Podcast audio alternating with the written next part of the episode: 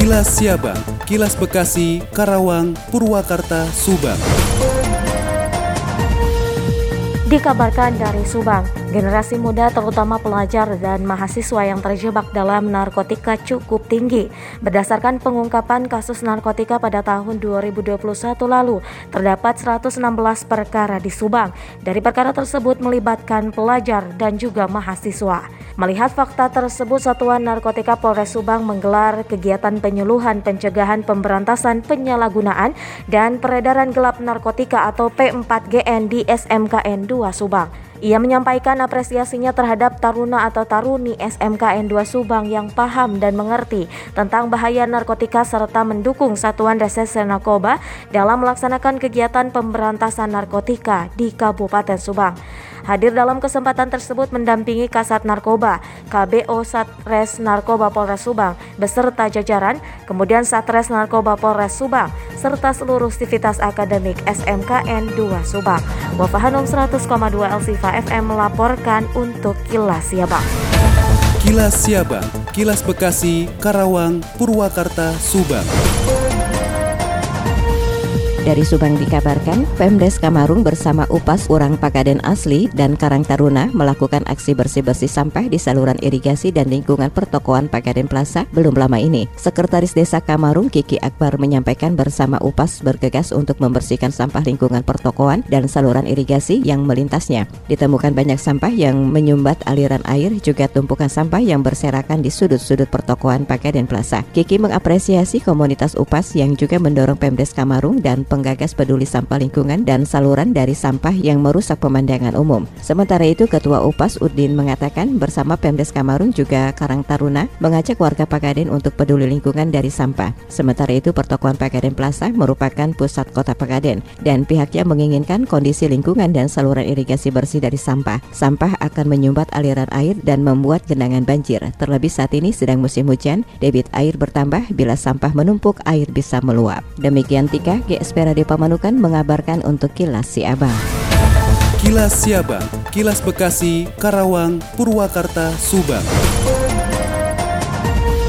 Dari Karawang menginformasikan, pemerintah Provinsi Jawa Barat bersama Pemda Kabupaten Karawang melakukan operasi pasar minyak goreng di Kampung Budaya Teluk Jambe, Kabupaten Karawang beberapa waktu lalu.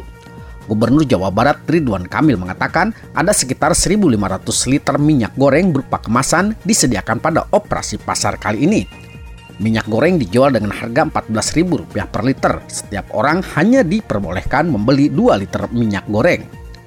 Menurut Kang Emil yang didampingi Bupati Karawang Dr. Selika Nur Ahdiana, 1.500 kemasan di satu desa di Karawang dan nanti tiap hari akan ada operasi pasar sebagaimana bagian dari komitmen dari pemerintah Provinsi Jawa Barat dan pemerintah Kabupaten Karawang. Dengan operasi pasar ini, diharapkan harga dan stok minyak goreng di pasaran bisa kembali normal. Mengingat dalam beberapa hari belakangan, Ridwan Kamil banyak menerima curhatan dari ibu-ibu hingga pedagang tentang kelangkaan stok dan kenaikan harga minyak goreng. Di sisi lain, Ridwan Kamil juga berharap pemerintah pusat segera mungkin bisa mengendalikan stok dan harga minyak di pasaran.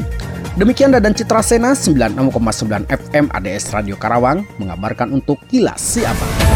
Kilas Siabang, Kilas Bekasi, Karawang, Purwakarta, Subang. Puluhan warga Tambun Selatan menolak penutupan perlintasan rel kereta api di Jalan Yaping Putra, Desa Mekarsari, Tambun Selatan, Kabupaten Bekasi oleh PT Kereta Api Indonesia. Penolakan disampaikan lewat spanduk yang tertampang di lokasi penutupan. Spanduk bertuliskan kami menolak keras penutupan jalan perlintasan ini demi kemaslahatan hidup dan ekonomi rakyat kecil dan sejarahnya. Salah satu warga di RT 7 RW 2 Desa Mekarsari Tambun Selatan, Tommy, menegaskan pihaknya menolak keras penutupan perlintasan rel kereta api sebab lebih dari 30 orang menggantungkan hidupnya dengan menjaga kawasan tersebut sejak tahun 2007.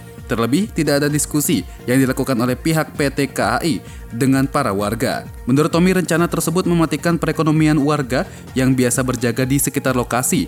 Sebelum dijaga oleh warga, banyak terjadi kecelakaan. Dalam sebulan bisa 5-8 orang meninggal akibat tertabrak kereta api. Hingga kemudian warga berinisiatif menjaga lokasi tersebut. Sejak saat itu hingga kini, tidak ada lagi korban jiwa saat kereta melintas. Sementara itu, warga desa Mangunjaya, Fitri, mengatakan penutupan perlintasan kereta api akan sangat merepotkan masyarakat, apalagi sekolah anaknya terletak di Jalan Raya Pantura atau setelah melewati perlintasan kereta api. Menyikapi hal tersebut, Kaumas PT KAI Daop 1 Jakarta, Eva Khornisa, menegaskan perlintasan kereta ditutup pada Rabu 23 Februari Penutupan sesuai dengan pasal 94 Undang-Undang Nomor 23 Tahun 2007 tentang perkeretaapian yang menegaskan penutupan sudah disosialisasikan lewat pemasangan spanduk dan pemberitahuan di sekitar lokasi. Demikian Ibnu Jabar, Radio Dakta 107 FM melaporkan.